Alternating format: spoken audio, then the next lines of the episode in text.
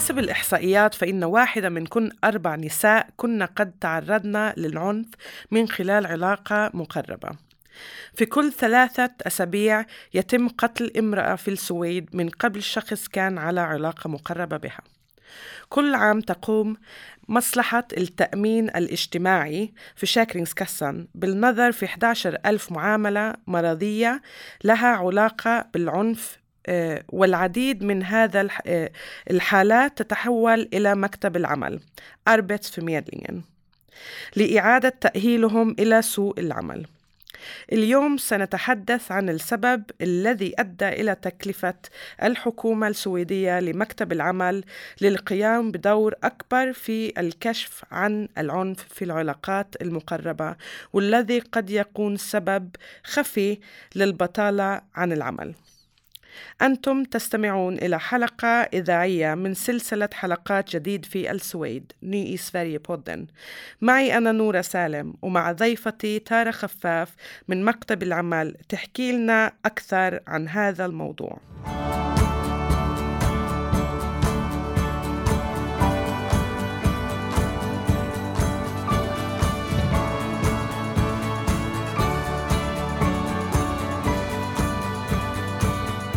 أهلين تارا. أهلين نورة شكرا على الدعوة. شكرا. أخبرينا أكثر آه، عن مهمة الحكومة آه، لزيادة الجهود عن الكشف عن العنف. أكيد نورة الحكومة السويدية قامت بتكلفة عدة مؤسسات منها مكتب العمل دائرة الهجرة مصلحة التأمينات الاجتماعية المجلس الوطني للصحة والرعاية وكذلك هيئة المساواة بين الجنسين. بالعمل بشكل أكثر فعالية للكشف عن حالات العنف. والسبب في ذلك لأننا نعرف أنه التعرض إلى عنف له تأثير على الصحة على المدى القصير وكذلك أيضا على المدى البعيد. ويكون أيضا سبب خفي للبطالة عن العمل ومن الممكن أن يكون له تأثير على فرصة الشخص على عمل أو البدء بدراسة. الخلفية التي أدت إلى مكتب العمل الحصول على هذه المهمة إنه لوحظ في تحقيقات الوفيات الخاصة بالمجلس الوطني للصحة والرعاية والتي تعتبر نوع من التحقيقات الخاصة في حوادث الجنايات التي ترتكب في حق شخص من قبل الشريك أو الطرف الآخر. لقد لوحظ في هذه الدراسات أن العديد من الضحايا كانوا قد تواصلوا في فترة ما مع مكتب العمل، لكننا نحن في مكتب العمل لم ننتبه بأن الشخص كان يتعرض لنوع ما من العنف. فلقد لوحظ في هذه الحالات التي تم دراستها. أن تواصل الضحايا مع الحكومة يكاد أن يكون محصور فقط في مكتب العمل. ومما يدفعنا للقول أنه إننا لو كمكتب عمل وكجهة حكومية قمنا بطرح أسئلة ما إن كان الشخص أو الأشخاص يتعرضون للعنف فربما استطعنا الوصول إليهم في الوقت المناسب وتوجيههم إلى الجهات المعنية للحصول على الدعم الرعاية والحماية وبذلك نكون قد أنقذنا حياتهم. أوكي. لماذا من المهم أن نتكلم عن العنف في العلاقات القريبة؟ طبعا نورا من المهم أن نتكلم عن تأثير العنف على الصحة. مثل ما هو مهم أن نتكلم عن تأثير الكحول والمخدرات على الصحة أيضا يعني لا يوجد فرق. آه وكذلك أيضا لا يجب أن يكون من الممنوع أو المحظور طرح المواضيع التي تتناول قضايا العنف. يعني لازم نجرد الموضوع من شعور الخزي أو ثقافة العيب كما نسميها. ونركز على كيفية التصدي لهذه الظاهرة التي لها تأثير كبير على الصحة وعلى المجتمع. لا يمكن الشخص مواجهة المشكلة بمفرده ولهذا يجب علينا جميعا التعاون للوقف والوقوف ضد العنف.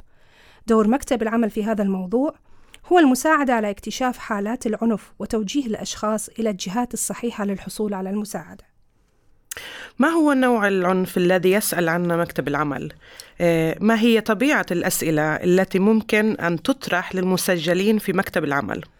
نعم آه، نحن في مكتب العمل قد نسأل إن كان الشخص قد تعرض لنوع من أنواع العنف الجسدي أو العنف النفسي أو الجنسي آه، الاجتماعي أو الاقتصادي الأسئلة التي تطرح عن العنف تشمل نطاق واسع بداية من كان الشخص يتعرض إلى عنف جسدي شديد أو إذا كان مثلا شريك الحياة أو الطرف الآخر يستطيع استخدام الهوية الشخصية الإلكترونية الخاصة به البانك إيدي ويقوم بسوء استخدامها مما يؤدي على مثال على تراكم الديون على الشخص دون معرفة الشخص عن ذلك أو أنه تكون تتم مراقبة الشخص من قبل الشريك على كل تحركاته سواء في الحياة العادية أو التحركات الإلكترونية.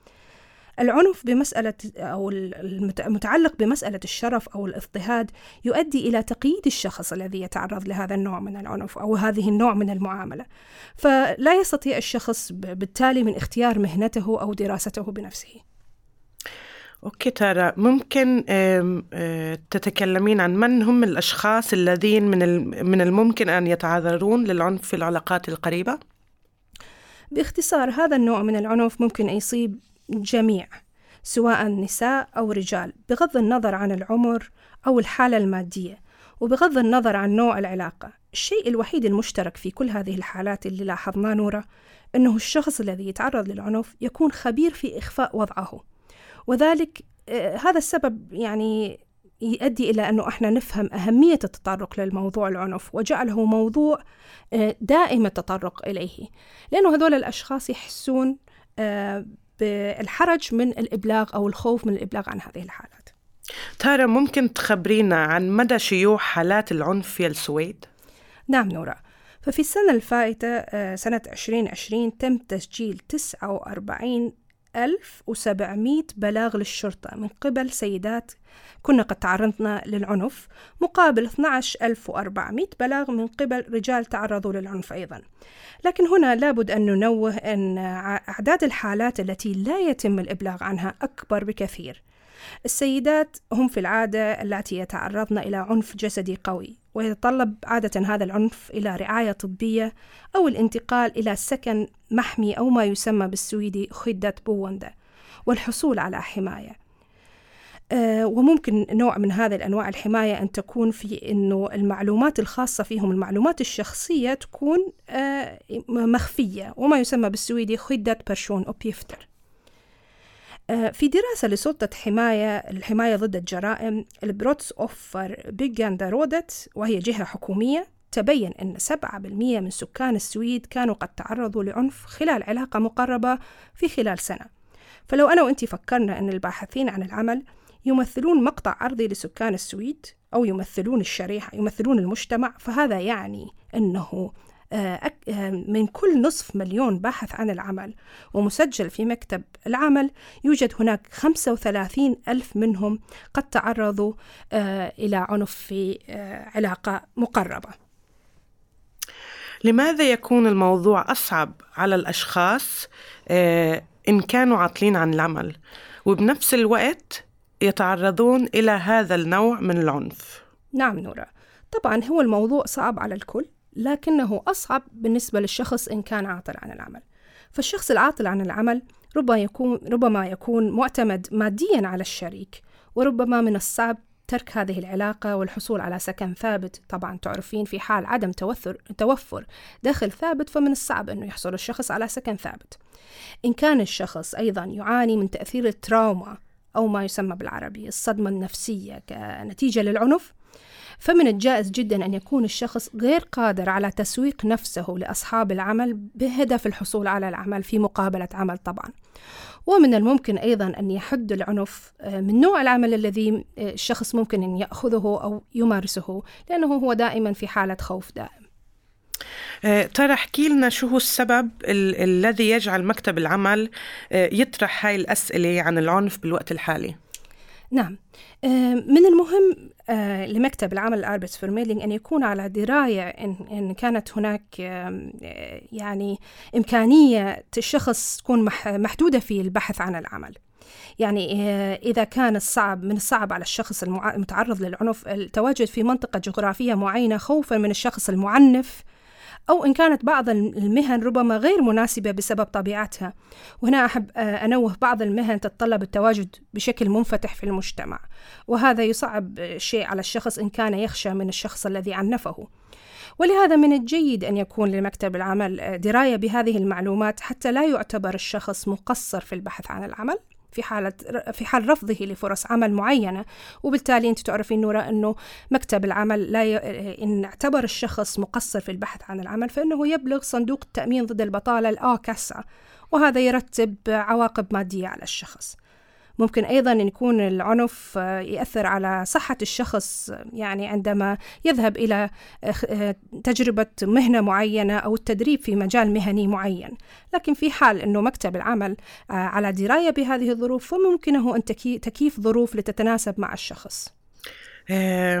كتير مهم هذا شو ممكن مكتب العمل يقدم للأشخاص الذين يتعرضون للعنف؟ طبعا أول شيء نورة مكتب العمل فيه يقدم أشياء لكن أول شيء مكتب العمل لابد أنه يعرف ظروف الشخص المتعرض للعنف والمسجل كباحث عن عمل في مكتب العمل. هل, يتع... هل كان يتعرض للعنف حاليا وهذا يعتبر حالة طارئة؟ أو ربما الشخص في مرحلة ما قبل وقوع العنف؟ أو مرحلة الصدمة أو التراما كما تسمى بعد التعرض للعنف؟ وربما أيضا في مرحلة تلقي الرعاية الصحية. ربما الشخص قد يكون أنهى علاقته مع الشخص المعنف والطرف الآخر يحاول أن يخيفه وينتقم منه نفسيا باستخدام للأسف الأطفال كأداة للنيل منه. مما يشكل قلق وضغط نفسي ويؤثر على تصرفات وقرارات الأشخاص المعنفين أو المتعرضين للعنف. مهمتنا إحنا كمكتب عمل هي المساعدة على زيادة الكشف عن العنف. وإرشاد الأشخاص وتوجيههم إلى الجهات المعينة لتلقي المساعدة والحماية. مكتب العمل أحب أنوه أنه هو ما يقوم بالتحقيقات في قضايا العنف أو عمل تقييم للعنف أو التهديد.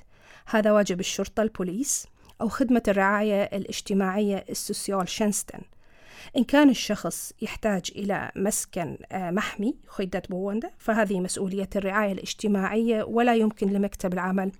أيضا تقديم أي نوعات أي نوع من السامتول ستود أو ما يسمى الجلسات جلسات الدعم مع مختص.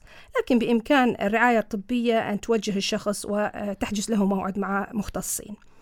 ما يمكننا أن نقدمه كمكتب عمل وهنا أرجو التنويه إليه هو توجيه الأشخاص إلى الجهات المعينة وكذلك ملائمة خطة العمل الخاصة بالشخص كباحث عن العمل لتتناسب مع ظرفه حتى يتمكن من الحصول على عمل أو دراسة ودعمه بأحسن طريقة بنظر مكتب العمل هل هناك أي مسؤولية تقع على عاتق الشخص نفسه اللي بيتعرض للعنف؟ طبعا نور الإبلاغ عن إن ما كان الشخص يتعرض للعنف هو شيء اختياري وراجع تماما للشخص نفسه مكتب العمل بإمكانه المساعدة ودعم الأشخاص للحصول على عمل ودراسة بأحسن طريقة عدا مكتب العمل هل هناك جهات أخرى بإمكانها تقديم المساعدة لهذه الأشخاص؟ طبعا هنا من المهم أن أؤكد أنه كل شخص وكل إنسان لديه الحق في عيش حياة خالية من العنف والحصول على مساعدة. نحن في مكتب العمل نستطيع توجيه الأشخاص إلى الجهات المعينة وأحب أن أنوه بأنه عندما يتوجه الشخص إلى هذه الجهات المعينة أو حتى عندنا يمكن أن نوفر له مترجم إن كانت هنالك الحاجة. طبعا مع الاحتفاظ بسرية الموضوع. وإن كانت الحالة طارئة يا نورا فلا بد من التوجه للشرطة البوليس والاتصال بالرقم 112 إذا كانت طبعا الحالة تشكل, تشكل خطر على الحياة. وكذلك أيضا الخدمات الاجتماعية إن كان الشخص بحاجة إلى سكن محمي كما ذكرنا. أما إذا كان الشخص بحاجة إلى معلومات واستشارة فهنالك رقم وطني ويدعى ويدعى بالسويدية كفينو فريد لينيان وهو صفر اثنين صفر خمسة صفر خمسة صفر خمسة صفر.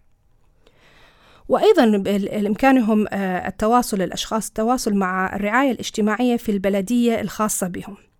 كما أحب أن أنوه نورة أنه الدعم ليس فقط للأشخاص الذين يتعرضون إلى عنف وإنما هنالك أيضا دعم للأشخاص الذين يحسون بأن تصرفاتهم عدوانية ويرغبون بالتوقف عن ذلك وهو أيضا يوجد أيضا له رقم وطني وهو بالسويدية اسمه فيلي أت سلوتا. اختار أن تتوقف والرقم هو صفر اثنين صفر خمسة خمسة خمسة ستة ستة ستة. وكذلك أيضا بإمكانهم التواصل مع الرعاية الاجتماعية وسوسال شانستن في البلدية الخاصة فيهم. تارا شكرا كثير على حضورك وعلى المعلومات المهمة كثير كثير كثير اللي قدمتيها لمستمعينا و وإن شاء الله بنشوفك عن قريب. شكرا نورا لزيارتي سعدت جدا باستضافتي اليوم. شكرا. شكرا.